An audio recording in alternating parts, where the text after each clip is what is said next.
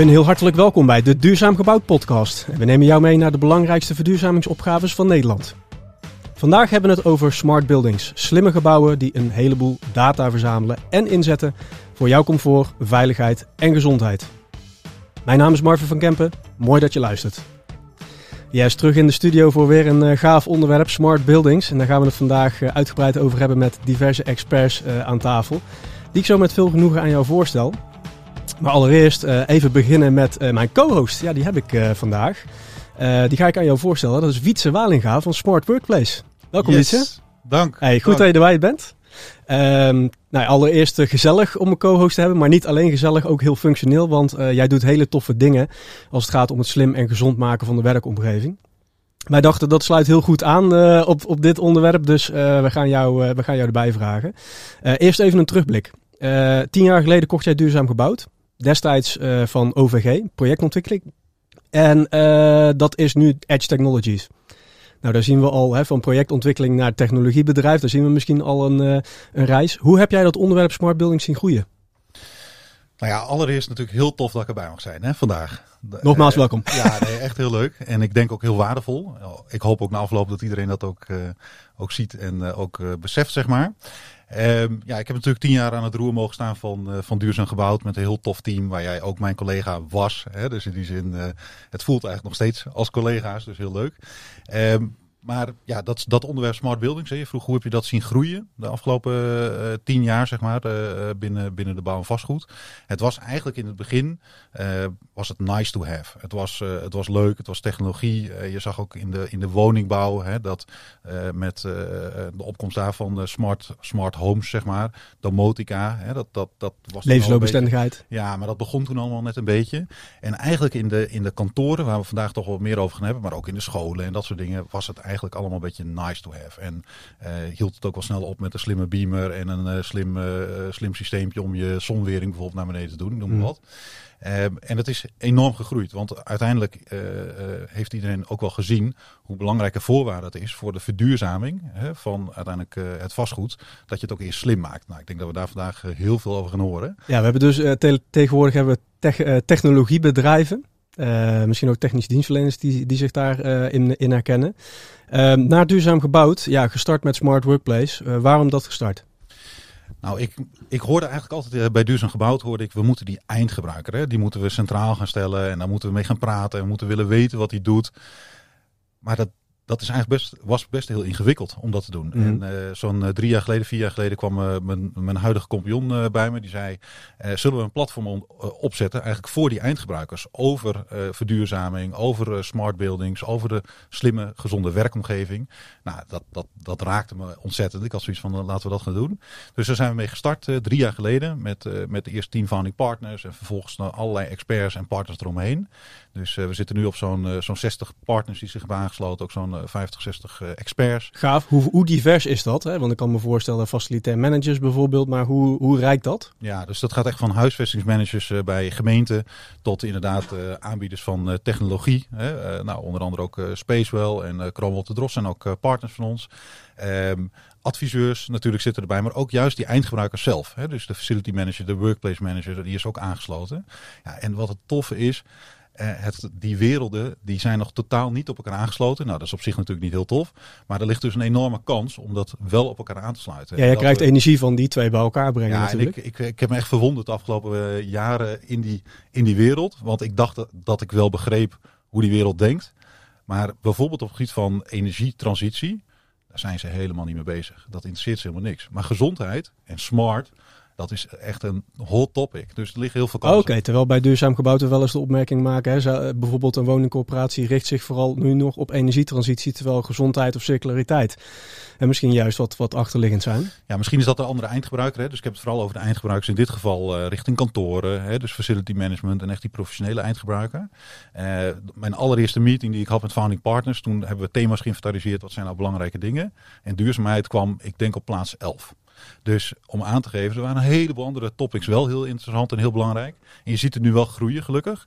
Maar dat, dat is dus essentieel dat we op elkaar gaan aansluiten en dat we dat samen gaan aanpakken. Hey, we gaan uh, naar de gasten aan tafel, want we gaan het natuurlijk niet alleen doen. We hebben uit onze beide, achterban, uh, beide achterbannen hebben we experts uh, vandaag aan tafel gezet. Die hebben zich ook heel erg stilgehouden tot nu toe. Wel, wel knap moet ik zeggen, maar daar gaan we natuurlijk nu verandering in brengen. wij hebben aan tafel Joyce van der Velde van Kroonwolter en Dros. Welkom Joyce. Dankjewel. En we hebben aan tafel Rob van Geemet van Spacewell. Welkom. Ja, dankjewel. Fijn dat jullie er zijn. Ik ben natuurlijk uh, ontzettend benieuwd hoe dat jullie in de, ja, in de dagelijkse uh, praktijk, hoe dat jullie aan de slag zijn met smart buildings.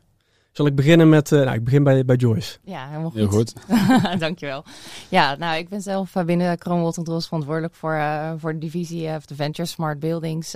nou, daarin kijken wij enerzijds naar um, hoe presteren de gebouwen uiteraard, maar wat we net ook al aankaarten, hoe presteren de medewerkers in die gebouwen. Mm -hmm. um, nou, het begint voor ons niet altijd, want smart buildings excuus, is een containerbegrip. Maar het begint voor ons niet altijd bij het pand volhangen met sensoren en vanaf daar eigenlijk gaan kijken wat er speelt, maar heel erg bij, vanuit de bestaande installaties. Um, dus kijken wat, wat biedt het pand op dit moment al uh, aan data waar we op in kunnen gaan spelen. Mm -hmm. Dus um, ja, voor ons raakt die enerzijds heel erg de klantbehoeften die we op dit moment zien. En anderzijds. Sorry. Ja, dat geeft niet. We moeten ook allemaal weer wennen om uh, natuurlijk ook weer ja, weer te spreken. En uh, dit is ook de eerste podcast overigens, hè, volgens mij, uh, voor jullie die we opnemen. Voor mij wel in ieder geval, ja. Ja, voor jou ook. Nou, uh, dat gaat, dat gaat hartstikke goed komen. En ja. dit soort dingen, hè, dat, is, dat is ook goed om gewoon te horen. We zijn hier live aanwezig. Ja. Dat is hartstikke goed. Daar moet ik, iedereen al wel wennen. Ja, ja ik, ik ben ook even benieuwd. Rob, dan ga ik even naar jou toe. Um, als we het hebben inderdaad over wat Wietse net aangaf over gezondheid en energietransitie. Bemerk jij dat ook? Dus de focus ligt die op gezondheid? Um, waar ik voornamelijk mee bezig ben op dit moment is echt uh, gericht op gezondheid. En op het uh, optimaal gebruik maken van de gebouwen. En zeker ook met het hybride werken, waar we nu natuurlijk heel veel over hebben. Het feit dat je voorheen, laten we zeggen tien jaar geleden, nog negen werkplekken had per tien medewerkers. Op een gegeven moment een transitie is geweest naar nou, max zeg maar zeven, zes medewerkers. Of sorry, zes werkplekken per tien medewerkers zie je nu echt de transitie gaande naar 4, 4,5 uh, werkplek per 10 medewerkers. En dat kun je natuurlijk alleen maar doen als je de, da de data daarop data hebt en dus ook monitort wat het uiteindelijk wat het gebruik van het gebouw is. En dat is waar jullie ook op specialiseren, die data achterhalen en dan ja. Ja, onze, sl onze slogan is, Space wel is een softwareleverancier uh, en onze slogan is Make Buildings Work for People. en dat zegt denk ik echt genoeg. Uh, wij zorgen er eigenlijk voor dat alle data uit de gebouwen uh, ervoor zorgt dat eigenlijk het gebouw voor de mens gaat werken in plaats van dat de mensen in het gebouw werken. Dus de mens moet centraal staan, maar het systeem moet eraan ondersteunend zijn. En George, jij kan die data waarschijnlijk ook weer inzetten vanuit jullie praktijk om daar betere, uh, slimmere, gezondere gebouwen van te maken. Ja, ja absoluut. Ik denk dat Rob een heel terecht punt daarin raakt. Het gaat echt om hoe, hoe faciliteert eigenlijk zo'n gebouw de gebruiker. En hoe zorg je dat die gewoon optimaal zijn werkzaamheden kan doen in het pand. Nou, en uh, nou, daar, uh, wat, wat Rob ook aangeeft, daar raken natuurlijk de techniek en de software, die raken, die raken elkaar daar. Heel vet hè? Als je dan hoort, zowel Rob als Joyce, dan zeggen eigenlijk allebei het gebouw, dus niet de facility manager, niet de HR-afdeling. Nee, het gebouw moet gaan werken voor de mensen. Nou, en daar moeten we het vandaag over hebben volgens mij. En um, als we dat dan koppelen aan actualiteit, hè, want het gebouw moet werken voor de mensen. De mensen die willen dat uh, waarschijnlijk ook steeds meer, want we gaan terug back to the office. Ja. Um, dan, ja, dan ben ik natuurlijk benieuwd. Uh, ja, hoe, hoe gaan we dat doen? Hè? Dus ik kan me voorstellen dat het voor jullie een heel hot topic is. Jullie worden nu bevraagd hè, van hoe gaan Zeker. we dat precies uh, inrichten. Ja. Wat, wat, wat krijgen jullie vanuit klanten te horen? Wat, wat moet er gebeuren om het uh, aantrekkelijk te maken om mij weer terug naar kantoor te halen? Nou, ik vind de eerste vraag een hele terechte vraag. Maar het eerste wat ik al zie in onderzoeken is, is dat uh, een aantal facilitair directeuren, dan wel vastgoeddirecteuren of huisvestingsdirecteuren, in eerste instantie echt zeggen: we gaan echt veel, min, veel kantoren afstoten, dus veel minder kantoren krijgen. En daar komen ze nu bijna allemaal weer vrij snel op terug. Je ziet echt ja. dat daar een kentering is dat ze inzien vanuit HR-perspectief dat het de behoefte er echt is om weer met elkaar te werken op kantoor. Elkaar en dat is echt ontmoeten. ja, elkaar ja, te ontmoeten op een andere manier. Dus de vraag is, hoe ga je uiteindelijk je huisvesting uh, neerzetten? Uh, voorheen was het een bepaalde manier, toen kwamen de open tuinen, nu bleek daar weer te druk te zijn. Uh, de vraag is dus, hoe gaat dat uiteindelijk? En daar ligt echt de grootste uitdaging voor uh, nou ja, dan wel facilitair managers, dan wel mensen die met huisvesting bezig zijn. Maar hoe wordt nu het kantoor fundamenteel anders ten opzichte van een jaar of twee, twee jaar, eigenlijk moeten we al zeggen, uh, terug? Ja. Nou, je weet nu inmiddels dat mensen voor gewoon functioneel hun werkzaamheden uh, voor zichzelf achter de laptop doen. Dat dat gewoon prima vanuit huis kan natuurlijk. Dus er zal altijd nog een, een balans zijn tussen thuis en elkaar uh, op kantoor ontmoeten. En ik denk dat zeker kantoor steeds meer de omgeving wordt om samen te komen, om uh, creatieve processen, om met elkaar te brainstormen, maar ook gewoon je team te ontmoeten. En, en op die manier gewoon een juiste cultuur neer te zetten om de mensen ook aan te trekken. Ja, laten we nou alsjeblieft niet doen alsof we allemaal heel gelukkig waren. Hè? Afgelopen anderhalf jaar dat we thuis moesten werken. Ik bedoel, thuiswerken is op zich leuk, maar het werd natuurlijk veel te efficiënt. Ja. En in die zin back-to-back, iedereen de meetings alleen maar achter Zoom of Teams of weet ik veel. En ik denk het gebouw als het kantoor, als cultuurdrager ook voor je organisatie. Ja, dat dat ook een heel belangrijk aspect wordt. Hè. Eh, we missen nu natuurlijk de verbinding als werkgevers ook enorm met, met, met, met de werknemers, maar ook met je collega's. Zeker. Ja, daar zullen we, ik denk dat die functie, ja, dat, dat, daar is schreeuwend behoefte aan. Maar Zeker. hoe dat eruit gaat zien, zien we tegelijkertijd ook weer, dat weten we eigenlijk ook nog niet. Want in Australië bijvoorbeeld hè, uh, hebben we een partner uh, die daar de werkomgeving bezetting meet bijvoorbeeld hè, uh, in kantoren. Mm Nou, daar was de lockdown afgelopen, dan mochten ze weer terug naar kantoor. Maar daar kwam niemand. Nee.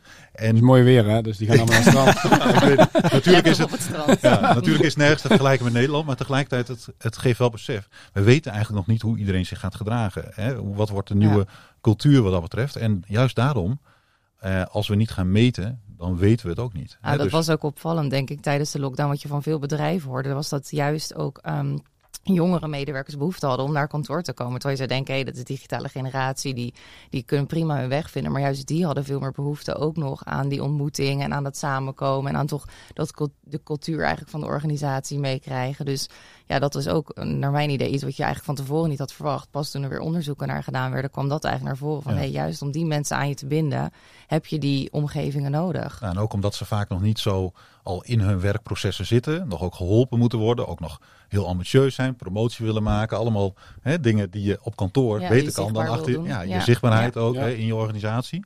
Ja, dat, dat heb je dan niet. Dus dat, uh, ja, Het, is, het is een interessante, het wordt gewoon heel interessant hoe dat eruit ziet. Alleen heb jij het gevoel dat, dat de, de organisaties op dit moment al hun gebouw klaar hebben, dat ze dat ook kunnen gaan meten? Uh, nee, lang niet. Uh, lang niet alle, alle organisaties hebben dat, uh, zover mijn, mijn beeld is. Nee. Dus um, ja, wat ik net al aangaf, je kan natuurlijk heel veel met sensoren doen. Je kan ook heel veel uit de bestaande installaties halen. Maar ja, welk, um, welk vraagstuk ligt er bij de klant? Welk detailniveau willen zij die informatie hebben? Bij heel veel klanten waarmee wij in gesprek gaan, merk ik toch dat, dat ze dat nog niet weten. Dat ze heel erg op zoek zijn naar, bied me alsjeblieft handvaten om, om dit aan te gaan pakken. Want ja, ze weten eigenlijk ook niet goed waar ze moeten beginnen. En, en het raakt uh, ook heel veel domeinen natuurlijk. IT, HR, facilitair. Dus ja, je hebt gewoon veel interne stakeholders. Dus ik denk dat dat het wel uitdagend maakt, ook voor, uh, voor klanten. Ja, wat wel mooi is, is dat die natuurlijk de afgelopen periode, HR, IT, FM, hè, wij noemen dat workplace management, proberen we dat een beetje onder te vormen. Maar dat die wel ook echt gewend zijn geraakt nu om met elkaar samen te werken en samen te spreken. Hè? Omdat IT moest de thuiswerkplek uh, organiseren, HR moest er wat van vinden, FM uiteraard ook. Ja. in die zin, dat, dat kan wel een mooie dat Dat is wel in een versnelling geraakt, denk ik. Maar in veel organisaties zijn er toch nog wel uh, gescheiden budgetten, denk ik. Uh. Maar we krijgen ook echt andere inzicht op dit moment. Want op, eh, ik heb gisteren een digitale sessie bijgewoond waar uh, voornamelijk CEO's, maar ook HRO's, dus echt de HR-verantwoordelijke van bijvoorbeeld de Rabobank, Janine Vos, die vertelde daar heel mooi, nou niet mooi, 50% meer ziekteverzuim en voornamelijk door psychische klachten. Doordat mensen thuis moeten werken en alleen maar thuis werken. Dus er ligt een andere uitdaging. Mm. En gedurende de tijd is daar meer inzicht in gekomen. Dus is er een ander vraagstuk ontstaan. Waar je voorheen dacht van ja, iedereen is blij om thuis te kunnen werken. Iedereen kan thuis werken. Iedereen wordt gefaciliteerd om thuis te werken. Is nu de vraag, wil iemand überhaupt wel thuis werken? En gingen we er eerst vanuit dat 20-jarigen, de nieuwe generatie, het heel fijn vond om thuis te werken. En merk je nu, ook bij ons, dat dat juist een hele grote uitdaging is. Want die hebben net die begeleiding nodig, net het samenwerken nodig. Dus uh, daar ligt echt wel een uitdaging. Jullie denken wel dat veel uh, kantoren zoals ze er nu zijn eigenlijk ja, ongeschikt zijn, om het maar even bruut te zeggen, voor die terugkeer? Uh, heel veel kantoren zijn ongeschikt voor die terugkeer. Maar de vraag is, hebben ze het vraagstuk allemaal wel voor zichzelf duidelijk in een kaart? Ja. Mm. We gaan, het hebben, we gaan het straks nog hebben over de renovatieopgave. Ik denk ook een hele belangrijke. Uh, maar allereerst, ja, als je de eerste stap gaat zetten naar uh, kantoorverduurzaming, ja, hoe, ga je dat, uh, hoe ga je dat dan precies aanpakken? En voordat we de diepte ingaan uh, over dit onderwerp heb, ik een aantal stellingen voor jullie. Uh, het idee is eigenlijk dat we ze met uh, ja en nee beantwoorden. Ontzettend moeilijk. Ik moet ook erg goed mijn mond gaan houden om er niet op in te gaan. Maar we gaan, ik stel voor, we gaan even kijken vanuit Joyce naar Wietse naar Rob de tafel rond. Ja. We starten met, met de eerste stelling. Die ging al goed, hè? Ja. Gaat heel goed. Ja. Hou dit vast. Een gebouw is pas duurzaam als het slim is. Nee. Nee. Nee. De eerste stap naar verduurzamen gaat altijd over energie. Ja. Nee. Nee. Gezondheid is geen onderdeel van de, van de waarde die een slim gebouw vertegenwoordigt. Nee. Nee. Nee. Dank. We gaan uh, de diepte in op zoek naar de nuance. Dus hoe zet je nu de eerste stap voor de verduurzaming van je kantoorgebouw? Uh, dus wanneer uh, waag je die sprong? Allereerst, ja, hoe ziet die eerste stap eruit naar verduurzaming? Dat is een, enerzijds al belangrijk wat je onder verduurzaming ziet. Ja, het, het is, het is meer dan de energietransitie bijvoorbeeld. Precies, daarom, ja. Um, hoe, hoe, laat ik het zo vragen. Hoe ga je erachter komen? Ja, dus we hebben quickscans om, om duidelijk te maken waar de, de winst zit. Maar hoe ga je erachter komen? Ik ben, ik ben kantooreigenaar. Ik heb net jullie verhaal gehoord over, nou, ik moet mijn kantoor gaan aanpassen om mijn, mijn medewerkers weer terug te halen.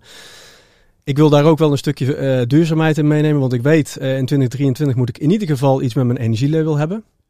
Energielabel C, hè, ja. moeten we dan, is, is dan verplicht. Ja, dus hoe ga ik er nu voor zorgen dat ik en die medewerker terughaal, en ook nog eens voorbereid ben op de toekomst als het gaat om duurzaamheid. Maar in mijn ogen is duurzaamheid ook dat die medewerker in een duurzame periode ook blij is om naar kantoor te komen. Dus daarom ligt het ook niet alleen maar aan energie. Uh, dus dat is de eerste vraag die gesteld, nog, steeds, nog steeds gesteld moet worden. Ja, wat je onder die duurzaamheid uh, verstaat, bedoel je dan. Maar Precies. goed, als je naar, naar de perspectief, hè, zoals, zoals de luisteraars er ook naar zullen kijken, zal het heel vaak gaan over die energietransitie en, en misschien nog wat circulariteit. En is gezondheid eigenlijk weer een volgend aspect. Ja. En je ziet dus dat, dat duurzaamheid in die bouwvastgoed heel belangrijk is. Hè, want we moeten allemaal aanpassingen doen. Terwijl bij die gebruiker eigenlijk duurzaamheid op dit moment nog helemaal geen, geen topic is. Nee. Hè? Dus dat, of tenminste wel steeds meer aan het worden is. Maar nou, dat, dat verschilt dus, dus meer van die invalshoek. Ja, ja, Maar, maar dat is juist het mooie volgens mij van uh, smart buildings en technologie.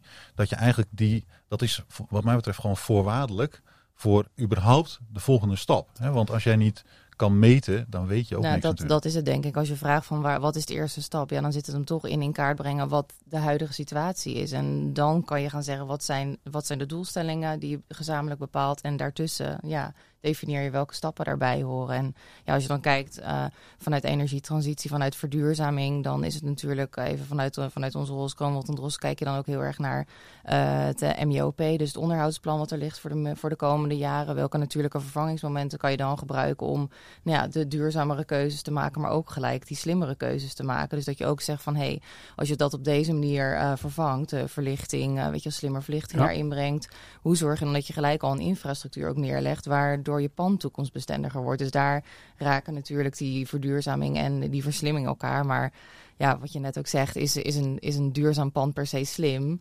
Um, nee, maar een slim pand is als het goed is wel duurzaam, weet je wel. Dus dat is ja. natuurlijk een beetje de, de crux daarin. En, en hoeveel informatie uh, is er dan meestal beschikbaar over het gebouw? Dus ik kan me voorstellen, soms, ja, sommige gegevens die zijn rel relatief laagdrempelig om binnen te halen. Ik denk even aan uh, gas- of elektriciteitsrekening. Uh, ja. En daarna? Nou ja, je hebt inderdaad de gas en de elektra, dus uh, je verbruiksinformatie. Uh, en daarna is het eigenlijk heel simpel gezegd volledig afhankelijk van hoe, wat er in het gebouw aanwezig is. Dus is het al een gebouw waar al sensoren in zitten, dan kan je die informatie binnenhalen. Is het een gebouw waar ja, op basis van de installaties al gemeten wordt van nee, de verlichting gaat aan omdat er mensen binnen zijn. Ja, dan weet je op een bepaald detailniveau of, het of de ruimte in gebruik is. Of wordt er CO2 gemeten. Dan weet je al van, kan je op basis daarvan ook weer bepalen van hoeveel mensen zijn er ongeveer aanwezig. En als dat nog niet het detailniveau is wat je wil, maar je wil verdiepen, ja, dan zal je weer toevoegingen moeten gaan doen. Dus dan ga je op dat moment ga je investeren in uh, sensoren, dan ga je dat meten. Ja. Uh, en in, in, hoe, in hoeverre zijn de gebouwen die er nu staan uh, qua infrastructuur ook toereikend?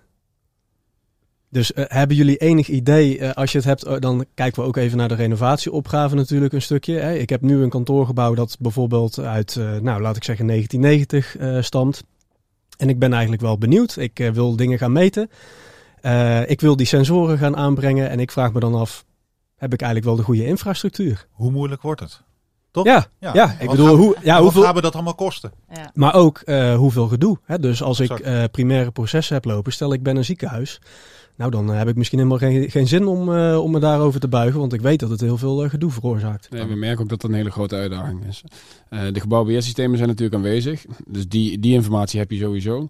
Je, je hebt natuurlijk wel slimme meters nodig. Ik moet zeggen dat daar wel echt een stap in is gezet in de afgelopen jaren. Dus daar zijn echt wel bedrijven heel ver in.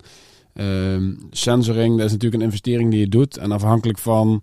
hebben, er zijn het bestaan natuurlijk draadloze sensors. Daar heb je eigenlijk niet per se eh, wired eh, of kabels voor nodig. Dus je hebt daar kun je al een heleboel mee. Als je echt de diepte in wil gaan, dan zul je toch wel bedraden eh, sensors moeten hebben. En dan gaat het echt om de techniek erachter. Hè. Dus de, wat voor een techniek ligt er al. En in principe is alles mogelijk. Maar het moet natuurlijk ook weer lean en mean gebeuren. Het moet de data opleveren die gevraagd wordt. Dus Ja, Maar dat is heel belangrijk denk ik om te kijken naar welke case eh, daar streeft die klant naar. En wat is inderdaad, wat ik net al zei, toekomstbestendig. Want soms zie je ook inderdaad van, eh, we willen precies weten hoeveel mensen er naar ruimte zijn. Nou, ja, soms is dat op basis van sensoren gewoon een dure opgave. Wat Rob Ja. al zegt, dan heb je toch met bekabelde eh, sensoren te maken. Eh, in, in, in bepaalde eh, collegezalen hebben we daar ook over gesproken. Ja, met die hoogte en met, nou, dan kom je gewoon op een, op een case die gewoon niet meer interessant is. Maar Ja. hebben al die studenten toegangspas en zit daar bijvoorbeeld al een chip in of, of eh, voeg je daar een chip aan toe en je hebt een mesh-netwerk liggen waarmee je weet waar de mensen zijn, dan is dat weer een, ja, een ander alternatief. Dus er zijn ook gewoon meerdere wegen die naar Rome leiden, maar zeker. er is Ja. altijd, ja, je, je moet heel goed bepalen met elkaar, eh, met de klant, van ja, wat is, eh, wat is het vraagstuk? En dat is, merk ik ook nog wel eens lastig bij de klant, omdat ze ook denken van, hé, hey, volgend jaar zijn er misschien weer nieuwe sensoren, eh, kan er weer meer, dus welke keuze maak ik nu? Maar die eerste stap, als ik jullie allebei hoor, is dus wel echt eerst het meten. Hè? Want je kan natuurlijk, ja, als je het hebt over smart buildings, ook nog allemaal andere dingen doen. Daar gaan we straks ook over hebben. Ja. Maar eerst dat je gewoon de basics kan meten. Dat Ja. moet je als Ja. eerste hebben. Ja. En als je dat nu nog niet hebt, dan heb je toch wel een probleem. Toch? Met je kantoor. Een uitdaging in ieder Een geval. uitdaging. Ja. laten, laten we het netjes houden. Er ligt nog jullie hebben een oplossing. Ja, Ja, mooi. We hebben een oplossing, ja. Goed zo, goed zo.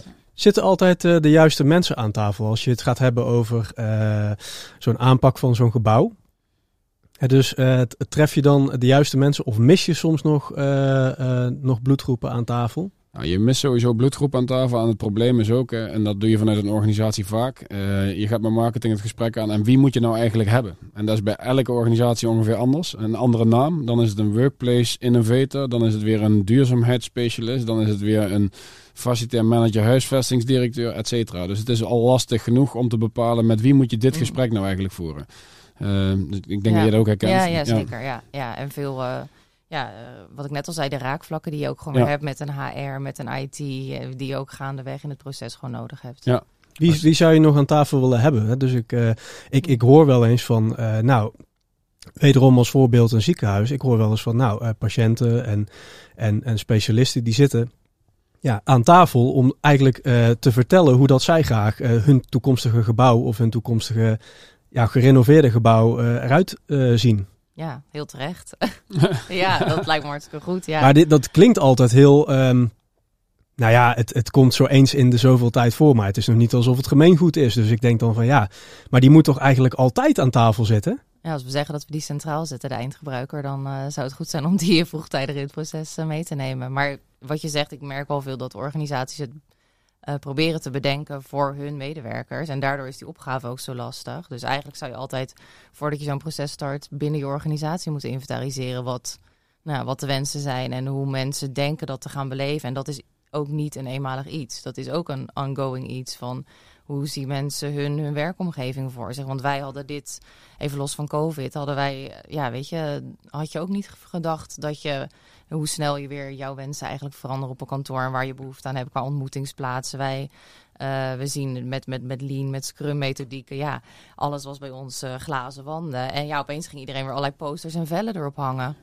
Dus eh, Maar dat is wel een hele interessante die je aangeeft. En ook eh, welk advies of welke tip zouden jullie nou hebben voor een facilitair manager om nou ja, enerzijds die informatie op te halen waar je het net over had. Eh, maar ook het interne draagvlak misschien ook eh, te vergroten voor eh, zo'n renovatie. Dat iedereen ook enthousiast erover wordt. Weet wat hij straks kan gaan gebruiken. Ja, wij leveren natuurlijk software. En software wordt over het algemeen getest door gebruikers in werkgroepen. Eigenlijk zou je vooraf die werkgroepen moeten doen om te bepalen wat nou eigenlijk de node is, oftewel de wensen zijn. Ehm, en daar zullen ook eindgebruikers bij moeten zitten. Dus niet alleen maar degene die facilitair verantwoordelijk is of verantwoordelijk is voor huisvesting, maar ook gewoon een aantal gebruikers betrekken bij. Want het is toch een stukje adoptie.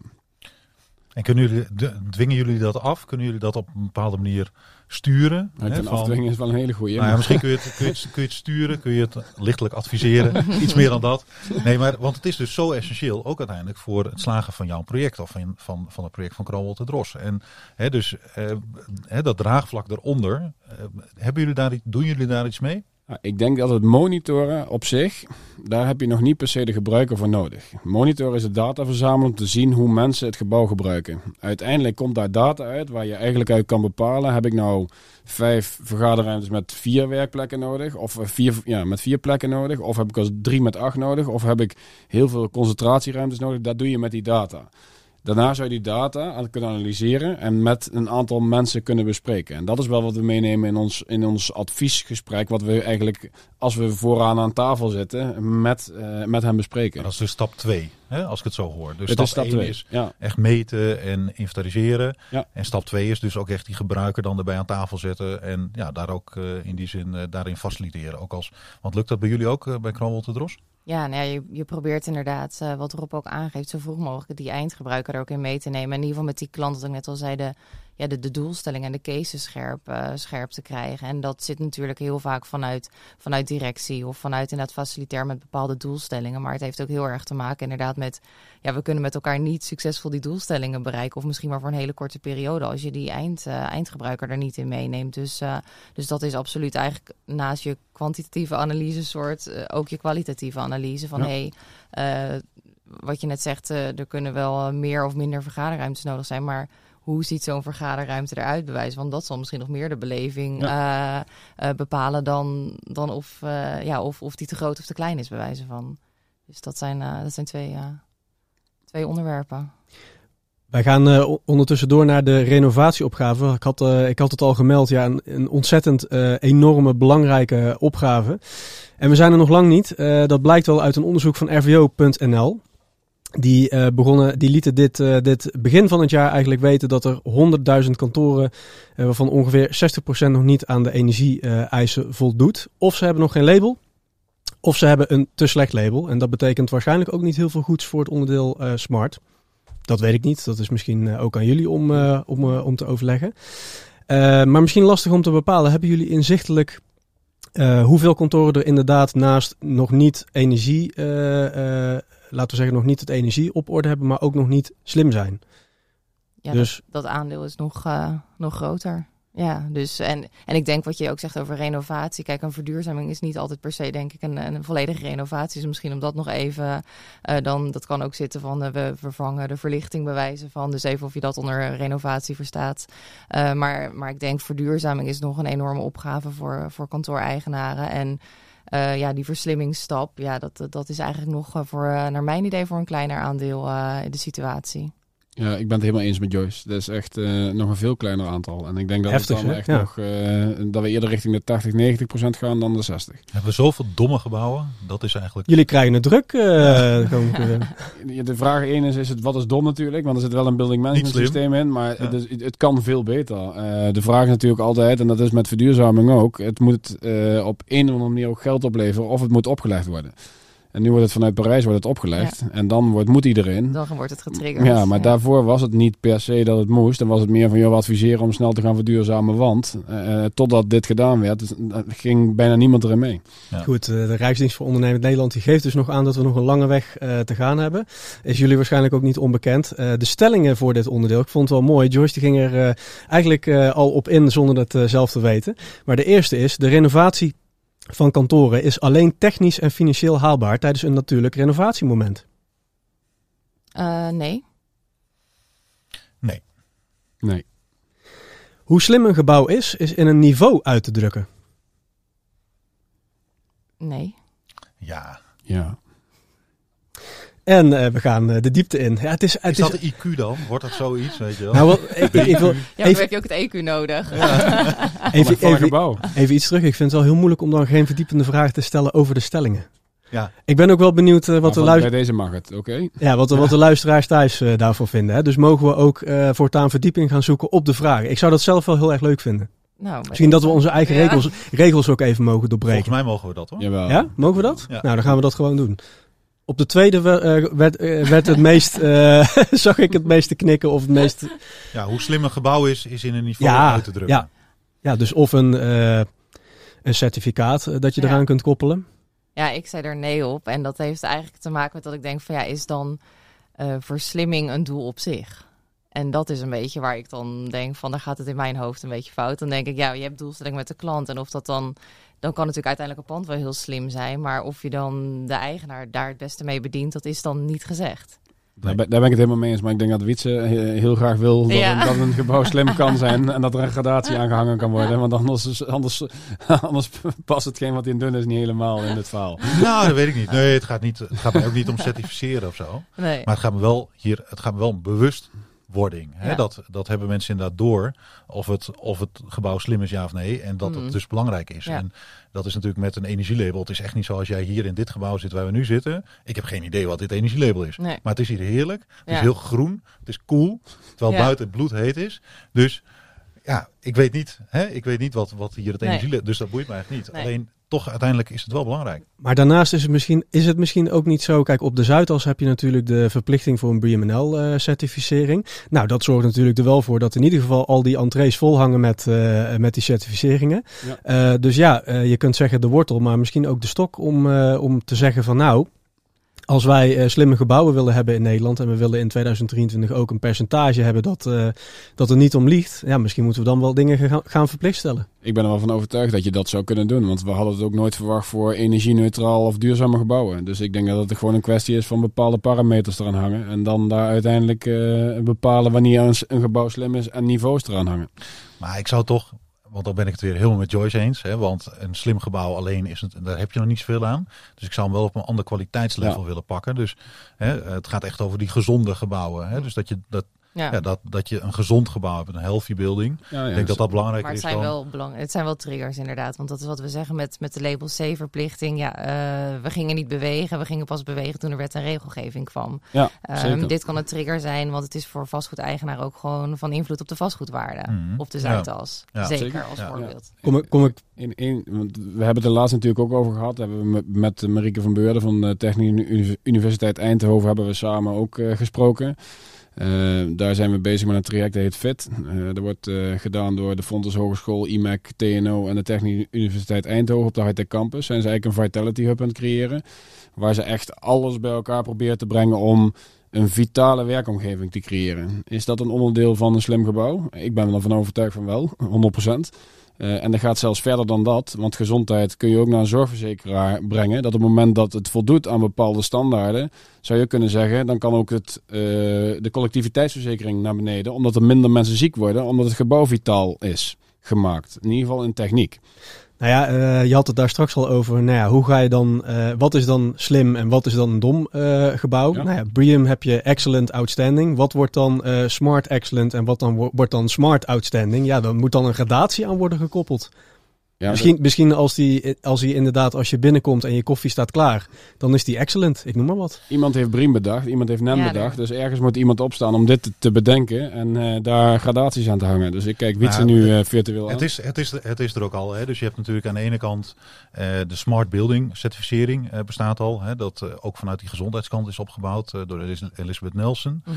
Ehm, je hebt eh, Well natuurlijk, Ja. dat soort, eh, Ja. dat soort eh, dingen. Maar waar het uiteindelijk vooral om gaat volgens mij, is dat je bij, van die gebruiker weet hoe voelt hij zich nou. En dan maak ik ook even reclame voor een initiatief wat ik zelf heb ontwikkeld ooit, maar dat mag hè vandaag. Tuurlijk. mag.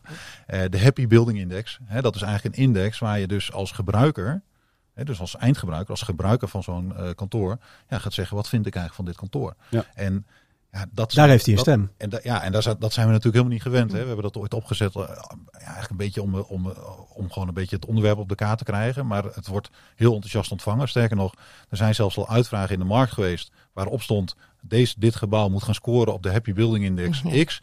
Nou, met alle respect, ik ben er nu heel snel aan doorontwikkelen, want die Happy Building Index die was nog niet zo heel erg goed betrouwbaar, zeg maar, in die zin.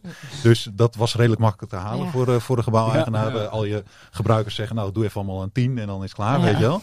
Maar het geeft dus wel, en net als Soever uiteindelijk de AWB-ranking heeft overgenomen van alle campings en eh, hotels en weet ik wat allemaal.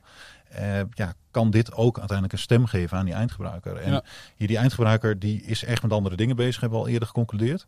Eh, en weet nu ook uit data, dat bijvoorbeeld ook door onderzoek van Elizabeth Nelson, eh, dat de arbeidsproductiviteit van mensen tot 20% kan toenemen als je bepaalde maatregelen in een gebouw neemt. Oké. Nou, dat is natuurlijk ook Technische Unie Eindhoven nu aan het, Ja. TU Eindhoven nu aan Ja. het eh, ontdekken allemaal. Ja. En zo zijn er nog meer onderzoeken. Ja, Ja, dat, dat gaat uiteindelijk zo'n drive geven voor die gebruikers om echt dat aan te gaan jagen. ja, ja, je ziet dat dat echt eh, enorme impact kan hebben natuurlijk op de kosten van een organisatie. Eh, als je kijkt naar dat eigenlijk eh, energiekosten 1% zijn van, van, het, van een organisatie. Personeel, of sorry, de huurkosten 9% en ehm, eh, personeel 90%. Ja, dat is natuurlijk gewoon een enorm verschil. Hè? Dus in die zin, eh, die, die, die eindgebruiker die, ja, die, die krijgt dit ook steeds meer onder ogen dat dit inderdaad op die manier zo werkt. Ja. Dus die komt straks met een andere vraag. Ik heb vanochtend nog bij een webinar mogen presenteren voor allemaal mensen in de vastgoed. Ja, die, die zijn daar zich echt nog niet van bewust op dit moment, heb ik het idee. Dat, Nee. dat die vraag er straks als een enorme hoos aan zit te komen, mede door COVID of dankzij COVID, zeg maar. En maar met wat voor mensen zat je dan? Van- Binnen vastgoed? Zaten die, was dat vooraan in het proces of echt al? Nee, vastgoedeigenaren, vastgoedbeleggers. Ja. Dus, eh, nou ja, en die zitten natuurlijk heel erg ook, eh, volgens mij komt er straks ook nog aan bod, maar met een, met een split incentive. Hè? Dus je moet aan de ene kant, zij moeten gaan investeren in allerlei eh, eh, eh, dingen in Ja. die gebouwen. Ja. Maar zij zijn niet degene die er uiteindelijk van profiteren, want Nee. dat is weer die gebruiker. Ja, Nou, dat, dat, dat, zie je heel erg, dat Ja. dat een hobbel is in, in dit proces. Zeker. Nou, laten we inderdaad, eh, hij komt straks aan bod. Hij komt nu aan bod, want het is inderdaad eh, tijd voor inderdaad. Als je kijkt naar die renovatieopgave, dan is dit natuurlijk een hele belangrijke. Hè? Dus als je die stap dan vervolgens wilt zetten, dan heb je de split incentive, met andere woorden. Hè? Dus de, de, ja, de, de verhuurder, die kijkt anders naar de situatie dan de huurder. De huurder die wil misschien ook weer andere dingen dan de verhuurder. Eh, nou, ja, de winst ligt op andere, op andere vlakken. Dat doorbreken is, is nogal lastig. Er is menig expertpost op duurzaamgebouwd.nl aan gewijd. Mhm. Ehm, maar wat zijn eh, anno 2021 nu de, de elementen die we daar wel eh, voor kunnen toepassen om, om die drempel nu eens te nemen? Hè, van, eh, de huurder die zegt ik wil een gezond gebouw. Ik wil een aantoonbaar gezond kantoorgebouw. Dan moet de verhuurder daar, eh, lijkt mij, toch eh, vooral ook in taxatie en, en op andere vlakken, moet die daar toch in mee kunnen gaan. Ja, Maar toch dat- gebeurt het niet. Ik denk dat sowieso de uitdaging ligt in de investering die ze moeten doen. Die moeten ze natuurlijk terugverdienen. Eh, en ik denk ehm, eh, dat wij met z'n allen, dus iedereen die daarbij betrokken is, hen daarvan moeten overtuigen. Maar dat begint zelfs nog verder naar voren. Want je hebt uiteindelijk ook de uiteindelijke investeerders. Want die moet je namelijk eigenlijk al enthousiasmeren om het gebouw slim te maken vooraan. Eh, er staat natuurlijk al een heleboel, maar er wordt ook nog een heleboel gebouwd of eh, Mhm. duurzaam gerenoveerd. Eh, die moeten we eigenlijk ook meerwaarde creëren. En de meerwaarde creëer je eigenlijk alleen maar door te zeggen dat jij je gebouw makkelijker kan verhuren. Ja. Dat die voller is, dat die minder leegstand heeft. gaat, ja. Dat, dat is eigenlijk het enige hoe je die partijen kan enthousiasmeren om te doen. Want op het moment dat de huurder weggaat en naar iemand anders toe gaat, dan voelen ze de pijn pas. Ja, En zoals ik al zei, de, de, de, de taxatie, die misschien zelfs de volgende dag kan komen van, nou, nu is het eh, gebouw duurzamer, energiezuiniger en gezonder. en wat is de impact op de vastgoedwaarde bedoel je dan? Ja, Ja, nou, dat, dat gaat echt het, eh, denk ik, het verschil ook maken. Je zal straks gaan zien dat, dat vastgoedeigenaren met, met groene portefeuilles beter kunnen verhuren. wordt dat, eh, maar wordt dat ook qua gezondheid, wordt er voldoende nadruk opgelegd als het gaat om dat taxeren? Voor Nou, mij niet. volgens, dat staat nog helemaal niet bij de, hier de taxateurs zijn net drie jaar geleden overgestapt op een ander eh, taxatiemodel, waardoor überhaupt duurzaamheid Ja. hè, eh, eh, goed gerankt werd, zeg maar. En als het gaat om gezondheid of slim, eh, slimme gebouwen, ja, dat staat er Grasby is daar wel eh, mee bezig natuurlijk, hè? Zeker, Grasby, nou Grasby ja, in die ja. zin wel, omdat die pakken wel er weer bij. Hè? Dus die, die, die pakken die methodiek eh, daarbinnen. Maar het is nog wel, eh, voordat je dat echt geen bed hebt in die hele markt. En ja. Ja. we hebben ook eerst gewoon transacties nodig. Zo simpel werkt het ook. Dus we moeten de eerste gebouwen verkopen of beter verhuren. Eh, dan eh, de gebouwen die niet slim waren of die niet gezond waren. Weet je wel? Dus die stappen moeten we eerst zetten. Ja. Ik heb tot nu toe nog maar één business case gezien. In heel Nederland. Dus als iemand anders er eentje heeft op gezonde gebouwen, heb ik het dan Mhm. eh, vooral. Als iemand anders er eentje heeft, dus die meer geld betaalt voor een gezond gebouw, hè, Ja. per vierkante meter. Ja. Eh, ik heb er nu eentje, die betaalt 10 euro de vierkante meter meer Ja. per jaar. Eh, voor, een, eh, voor een gezond gebouw. En dan moet er een WELL-certificering op zitten. Maar we zijn echt op zoek naar meer van dit Ja. soort dingen. Want hier, als je die de, de transacties praktijkcases zijn, zijn gewoon veel te beperkt. En zeker ook als je kijkt naar die onderwerpen als productiviteit. Ja, dat, je, als, je die, als je gewoon de, de theorie ernaast legt, om maar zo te zeggen, dan is het gewoon een no-brainer. Maar het gebeurt niet. Nee, Ik ben Nee. nu in gesprek met een hele grote property manager om dit onderwerp te bespreken, zodat zij hun investeerders kunnen overtuigen om gebouwen neer te zetten die hieraan voldoen en dit mee te nemen in de servicekosten. mooi. Ehm, Ja. Dus Ja. we zijn wel degelijk de gesprek aan het voeren, maar het is echt, terugkomend op wat je vraagt, ehm, duurzaamheid, als we het maar even als, als, als, zien als energie, en dat, dat loopt eigenlijk al een jaar of tien dat dat begon. Daar zitten we nu eigenlijk misschien in het, in het tweede jaar, zou ik zeggen, van Vitality slash slimme gebouwen. Ja. Alleen Misschien ik gaat denk het wel dat die vraag veel sneller gaat Ja. komen. Ja. En dus dat we veel sneller moeten gaan acteren nu als bouw- en vastgoedsector in die zin Ja. eh, eh, daarop, zeg maar. En eh, we- gaan daar ook, een, eh, ook vanuit Smart Workplace, en dan gaan we ook met uh, Duurzaam Gebouwd samenwerken, eh, ook een traject voor starten. We noemen dat eh, de Welco. Hè. Dus je hebt de ESCO bij de, bij de, ja, bij de energietransitie natuurlijk. Hè, om, dat is ook een soort financieringsvehikel en een service company daarvoor. En onder de, onder de werktitel Welco gaan we daar eigenlijk eh, ja, toch dit soort data proberen op te halen. Een jaar lang. Hè. En dan gaan we ook kijken wat zijn nou de indicatoren die daarbij horen. Dus ook met zo'n TU Eindhoven heel interessant. En data die jullie hebben. Ja. Ja. om daarop aan te sluiten, zeg maar. En ja, om dat ook te stimuleren. Want dat zien we ook als onze taak. Om, ja, Ja, die beweging in gang Ja, te zetten. Ja. Ja. Maar belangrijk misschien, en dat is misschien wel interessant, hè, want je hebt bouwstenen voor sociaal.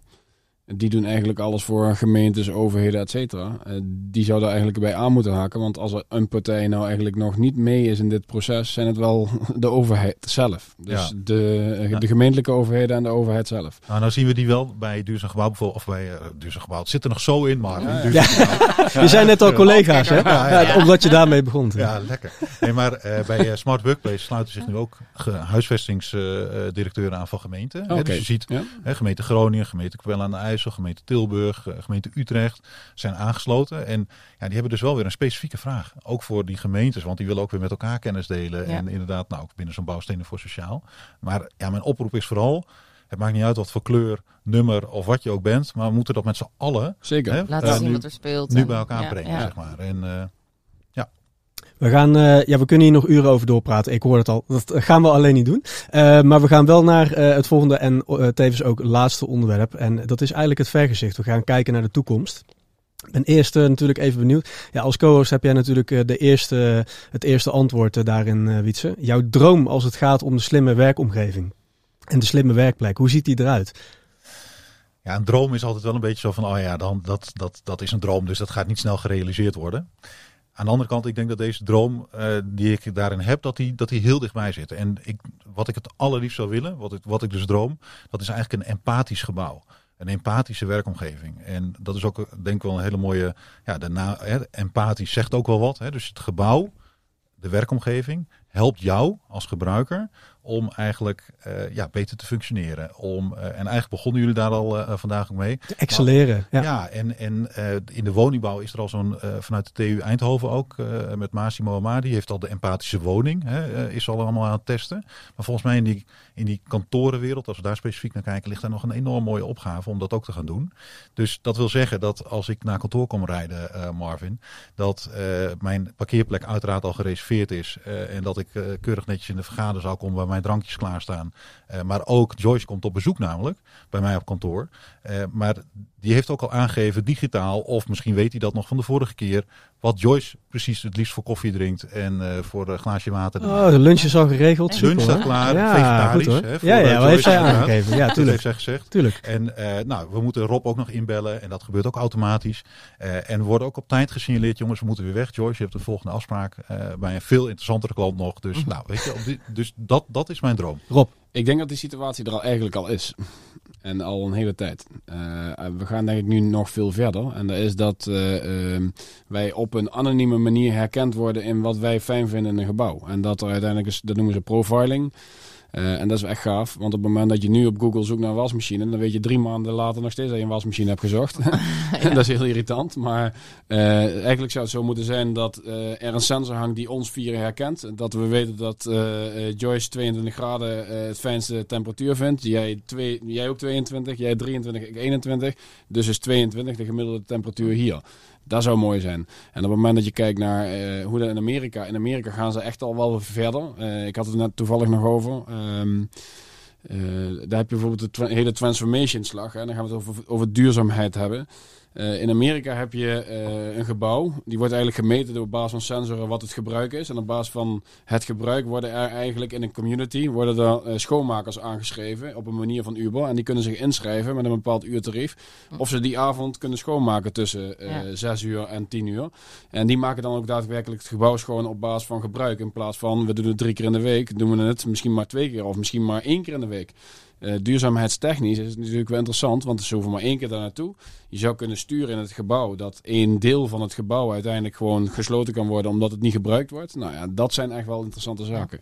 En dan kijk je ook veel meer vanuit platformgedachten eigenlijk. Van hey, welke suppliers, welke dienstverleners kunnen hierop inhaken Precies. op basis van die ene dataset ja. over dat gebouw. Ja. En Joyce, welke gave voorbeelden van uh, nou ja, echt toekomstgerichte, uh, ja, eigenlijk future-proof kantoren ken jij? Jullie eigen gebouwen?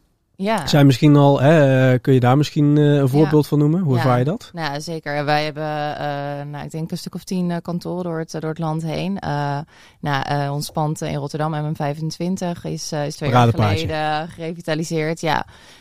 nou, inmiddels ons pand in Amsterdam ook, Paalbergweg. Dus zo zijn we langzaamaan ook, ook die portefeuille aan het, ja, aan het revitaliseren. En daar zie je gelijk een mooie combinatie van die verduurzaming en verslimming. Um, en je, ja, je, je, merkt gewoon aan alles. Ik ben laatst dan op bezoek geweest bij het pand in uh, Apeldoorn, waar we ook uh, bezig zijn.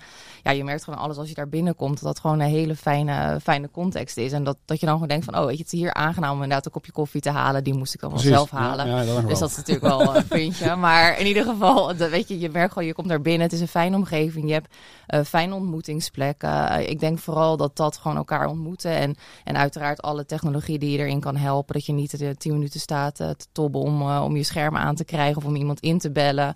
Ja, weet je, je zal steeds meer naar dynamisch werken toe gaan. Dus het moet ons inderdaad faciliteren. En uh, ja, ik denk dat de, de opties daarvoor echt legio zijn. Maar uh, ja, hoe gaan we er komen? Het is wel mooi te horen ja. hoor. Want ik bedoel, als je, je, komt, je hebt overal wel eens gewerkt. Je bent overal wel eens in een gebouw gekomen. En dan je denkt, hier zou ik me echt niet thuis voelen. Het is gewoon geen fijne atmosfeer. Soms kom je in een ruimte, in een kantooromgeving, denk je, nou, dit is echt heel fijn om te werken. En ja. daar hoor ik hier echt in terug. Dat vind ik echt mooi. Ja.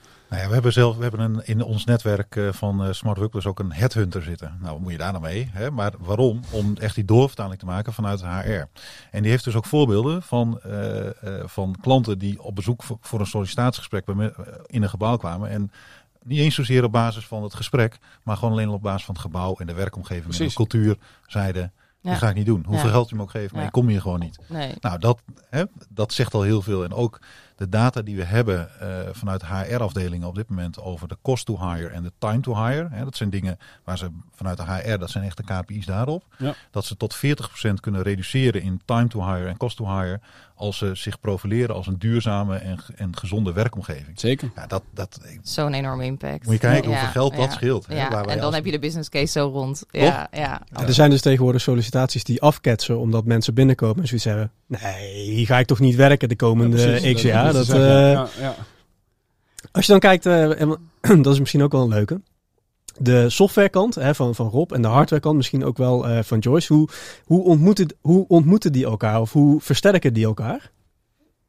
Ja, die versterkt elkaar sowieso. Ik weet niet of jullie echt helemaal hardware gericht zijn. Nee, ik denk dat dat niet nee, helemaal goed betiteld is. Dus ik, nou, doe, doe ik het tekort. Excuus, excuus. Nee, maar daarom, ik geef eerst Joyce het woord om even te vertellen wat jullie nou wel, want dat is wel ja. belangrijk. Even, even nuancering. Nee, ja. Joyce, ga je gang. Nee, nee, nee, hartstikke goed. Nee, inderdaad. Het is niet alleen uh, hardware. Je gaat natuurlijk, wat ik net al zei, je hebt het hardware is iets wat, wat, wat er staat. En even, dat is een, ik zou bijna zeggen, een gegeven. Net als dat er muren in een gebouw zijn. En op een gegeven moment moet je net software gebruiken om juist die brug te slaan tussen de, nou ja, de Jullie doen allebei. Is, Ja, zeker, Mhm, zeker, mhm. zeker. En eh, nou, ook vanuit die platform, eh, vanuit inderdaad de data ontsluiten, kan je natuurlijk niet zonder software. Dus zo simpel, eh, zo simpel is het. En zeker ook de rol van data natuurlijk daarin. Dus, dus ja, dat, dat zijn echt twee werelden die elkaar raken. En waarmee, ja, wat ik al zei, eigenlijk met software echt die brug slaat tussen wat is er al en hoe ga je het ook op de juiste manier inzetten. En ook weer andere processen triggeren die, weet je wel, je, je, je krijgt inzicht en je krijgt informatie. Maar hoe zorg je weer dat andere processen of andere systemen getriggerd worden vanuit de inzichten die je hebt. Dus ik denk eh, dat dat eigenlijk de samenwerking is tussen, eh, tussen die componenten ook. Zeker, ja. En eh, er zijn natuurlijk verschillende bouwbedrijven die op dit moment zelf software aan het ontwik- ontwikkelen zijn. Maar er zijn natuurlijk ook veel bouwbedrijven die dat niet doen en de keuze juist maken, joh, wij zijn bouwer, wij laten daarbij softwarepartijen. Die keuze mag iedereen voor zichzelf maken. Dus wij zien heel veel en daarom hebben we gekozen voor een agnostisch systeem. Dus wij zijn niet getrouwd met een bepaald merk. Wij kunnen eigenlijk koppelen met elk merk wat er in de markt is.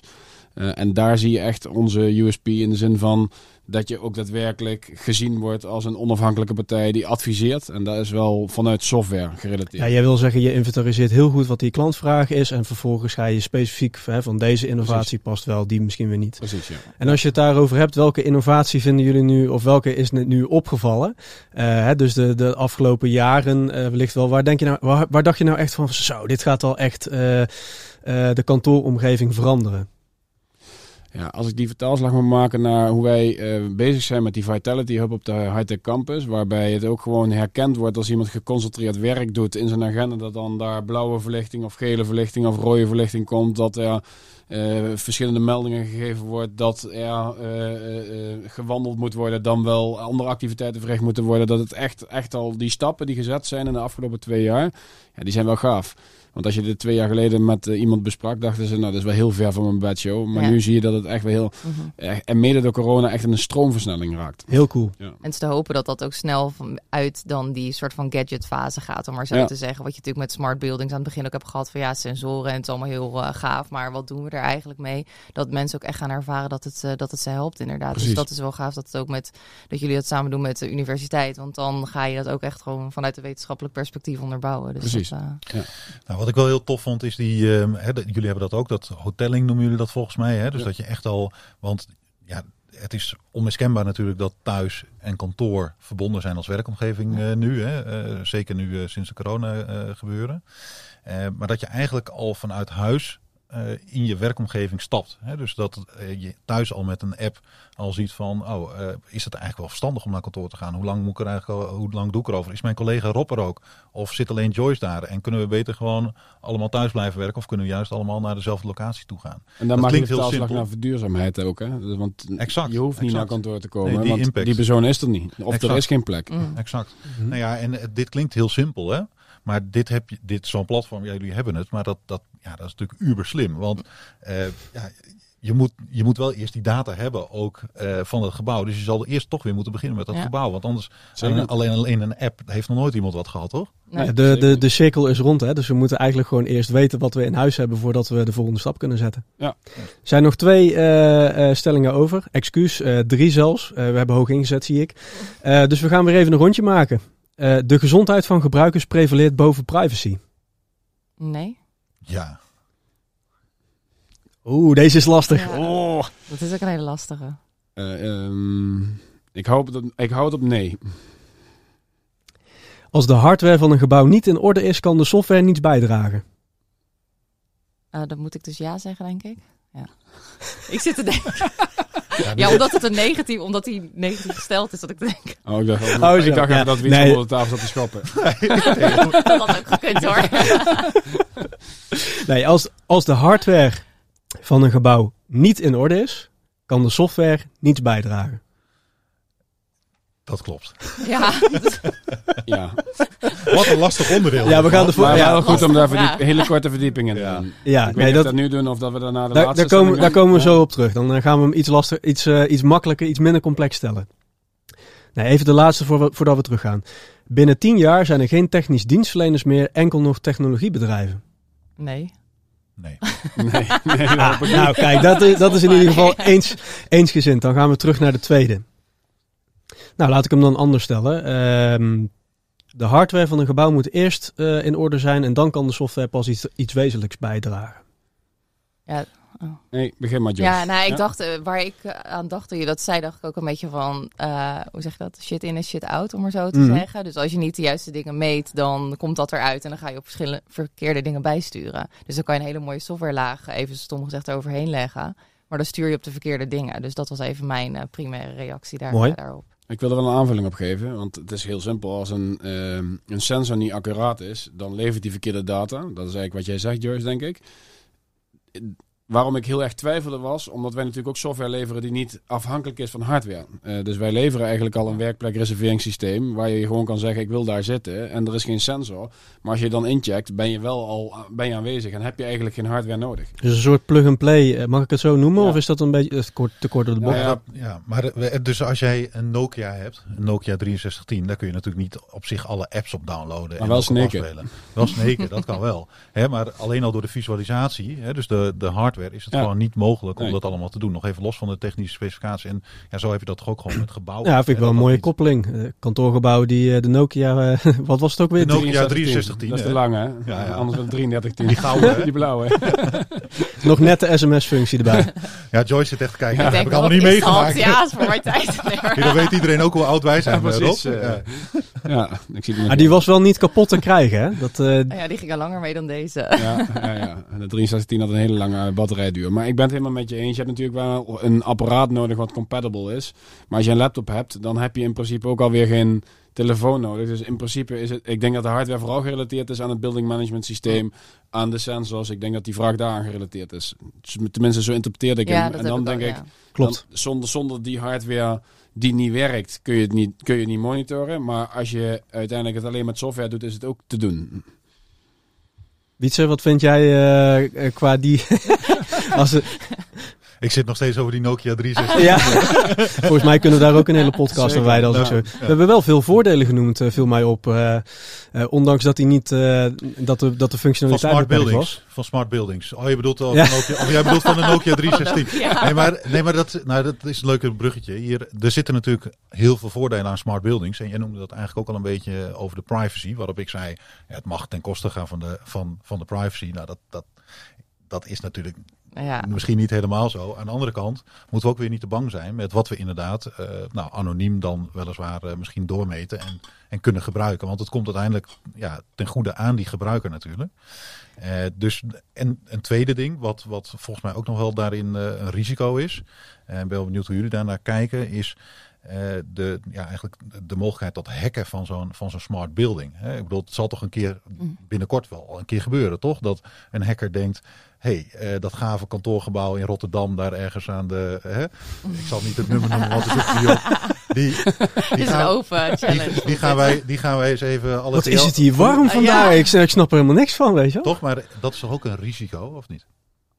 Ja, weet je, alles is te hacken volgens mij. Hm. Zeker. Ja. Dus eh, ja, dat, dat is een risico. Ehm, maar ja, ik bedoel, daar, daar is gelukkig ook goede, nou, ja, steeds betere wet en regelgeving voor. Ik denk dat we daar in Nederland al best wel gewoon ver in zijn. Dat we in Nederland ook heel erg bewust zijn van wat onze privacy is en, en wat we daarmee, weet je, wat we daarmee willen en wat we daarvan eh, open willen stellen. Ik denk ook wat jij aan het begin aangaf. Het gaat ook vooral om eh what's in it for them. Dus ja, als jij eh, als je telefoon je vertelt, hey, je moet nu gaan rijden, want dan ben je op tijd bij je volgende afspraak. Ja, dan vind jij dat fijn. En dan ben je dat stukje daarachter, even heel stom gezegd, ben Ja, je misschien- vergeten. Wat, wat weten ze allemaal van mij? Misschien is er ook wel eh, een, een opt-out zou kunnen. Dat op het moment dat je zegt van nou, ik doe hier niet aan mee. Maar dan kan ik ook geen eh, voordeel halen uit al die verschillende dingen die jij noemt. Dus, hè, dus mijn koffie staat niet klaar. Ja. De parkeerplaats is niet gereserveerd. Accepteer jij de cookies?